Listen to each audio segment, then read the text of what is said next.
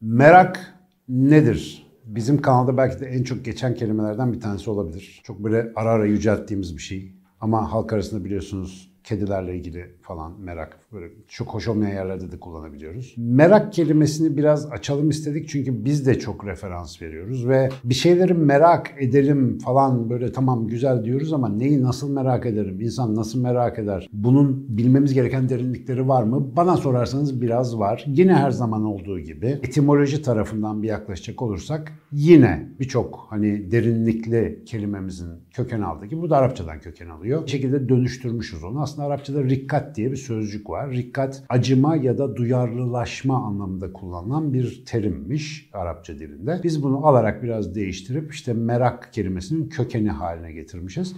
Aslında bir nevi bir şeylere duyarlı olmak gibi bir mana içeriyor. Başka yan manaları da var ama bizi şu anda ilgilendiren temel mana bu diye düşünüyorum. Ne demek duyarlı olmak? Şimdi bütün canlılara bakarsanız etraftaki değişikliklere karşı enteresan bir dikkat sergilerler. Yani bir değişiklik olduğu zaman canlıların dikkati oraya doğru döner, yoğunlaşır ve bir şekilde oradan bir tehlike gelmeyeceğine emin olduktan sonra ya da işte o işin nevini anladıktan sonra normal hayatına devam eder. Merak bu anlamda aslında yüksek canlılar diye genellikle biraz yanlış da olsa tabir ettiğimiz o primatlarda işte maymunlarda falan filan da çok gördüğümüz bir davranış. Böyle bir şeylere gidip bir şeylerin altına arama, bakma, işte gizlediğin bir şeyi bulmaya çalışma falan gibi merak hareketlerini onlarda çok fazla görüyoruz. Fakat insandaki merakla hayvanlarda gördüğümüz arasında bazı temel farklar var. Benim en anlatmayı sevdiğim örnek ki nispeten biraz hani benzerini görmüşlüğüm var. Mesela bir plastikten yapılma bir muzu işte bir maymuna uzatırsınız. Maymun onu görsel itibariyle muz zanneder ve büyük bir hevesle üzerine atlar. Eline alır almaz onun muz olmadığını anlar, koklar, moklar ve sonra belki biraz şaşırır ama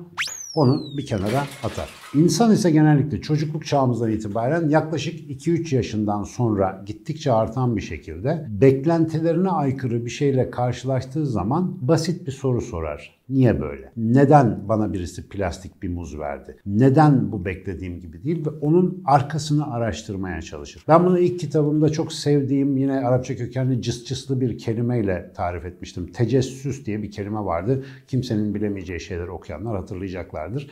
Tecessüs casusluktan geliyor. Yani arkasını araştırmak. Acaba ne var? Mesela hayvanlarda biz pek tecessüs görmüyoruz.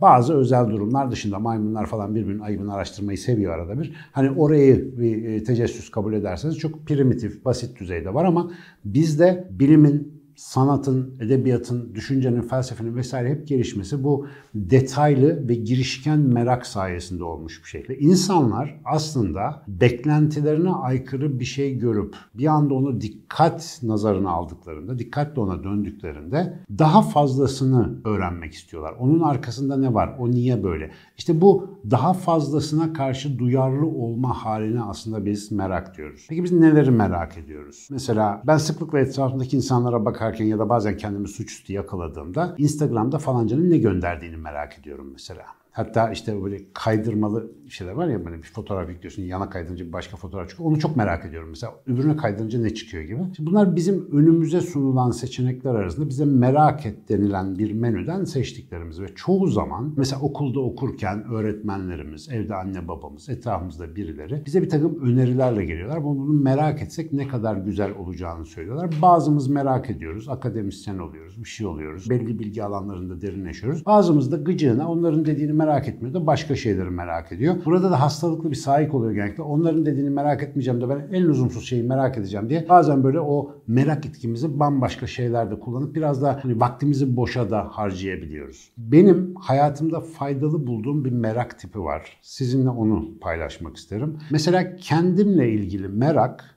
beni çok verimli bir şekilde meşgul ediyor. Kendimle ilgili herhangi bir şeyi merak etmek, hani hep biz açık beyinde anlatırız ya bu bilgeliğin özünde bir ya da hedefinde bir kendini bilme diye bir mesele var. Aslında insanın kendini araştırması, niye öyle yaptığı, niye öyle düşündüğü ya da niye öyle yapamadığı hakkında merak geliştirmesi, bedeninin işleyişinden zihninin çalışmasına, işleri yapış biçiminden yapmayış biçimine kadar her alanda kendiyle ilgili rikkatli bir gözle, duyarlı bir gözle kendini izleme alışkanlığı geliştirmesi bana sorarsanız en faydalı merak. Ve bir insanın aslında çevresindeki dünyayı algılamak için kullandığı en gelişkin aparat kendi bedeni olduğu için kendisiyle ilgili merakları aynı zamanda dış dünya algısını da dönüştürücü bir etkiye sahip. O yüzden kişinin kendisine yönelik belki adına öz merak diyebileceğimiz şeyin en önemli ve en verimli merak alanı olduğuna Hani bana sorsanız ben eminim. E tabii ki yaptığınız işle ilgili, uğraştığınız hobilerle ilgili vesaire belli konuları öğrenmek üzere merak etmek de gayet güzel bir şey ama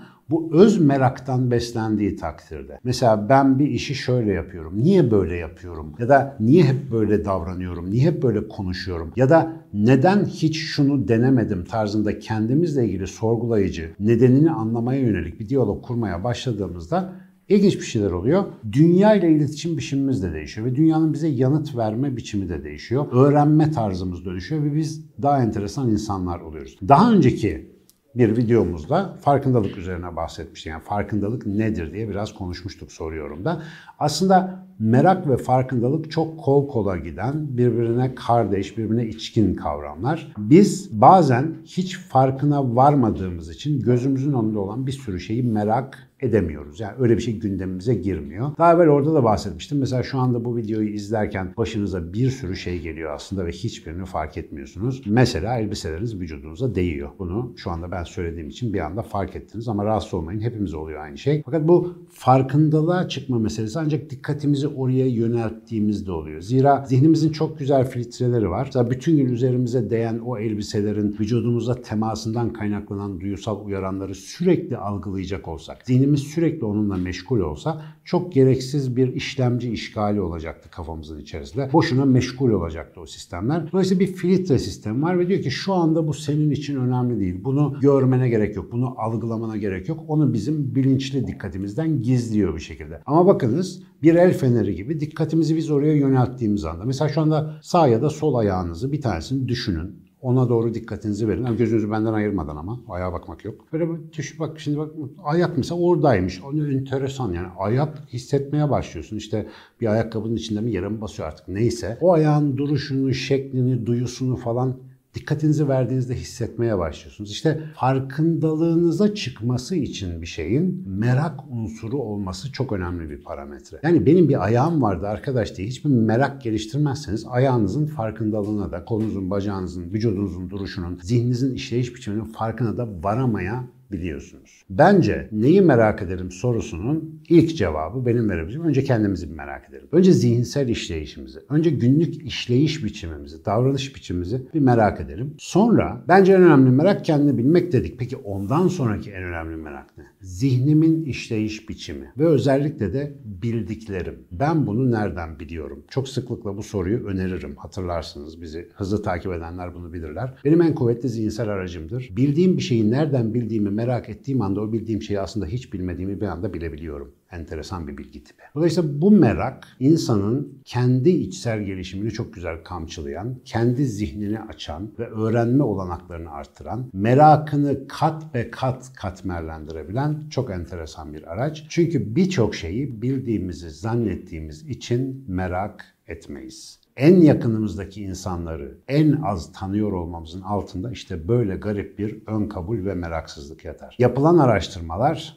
dışarıdaki insanları çok daha alıcı gözle izlediğimiz için bize nispeten uzak kişileri daha iyi tanıdığımızı, onların duygularını daha iyi anlayabildiğimizi ama çok yakınımızdaki insanlara karşı zamanla bir duygusal ve empatik körlük geliştirdiğimizi gösteriyor. Çünkü artık onları bildiğimizi varsayıyoruz ve onları çok merak etmiyoruz. Kendimizi merak ettik, bildiklerimizin kaynağını merak ettik. Bir de çok yakın çevredekileri azıcık merak edelim. Onlara daha önce hiç bakmadığımız bir gözle bakmayı deneyelim. Neler göreceğiz aklınız durur.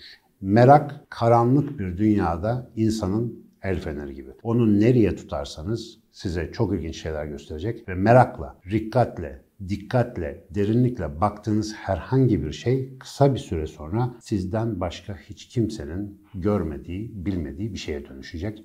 O artık sizinle bir olacak. Dolayısıyla merak etmek iyidir. Kendimizden dışarı doğru bir deneyelim bakalım hayırlısı neler olacak. Hadi bakalım.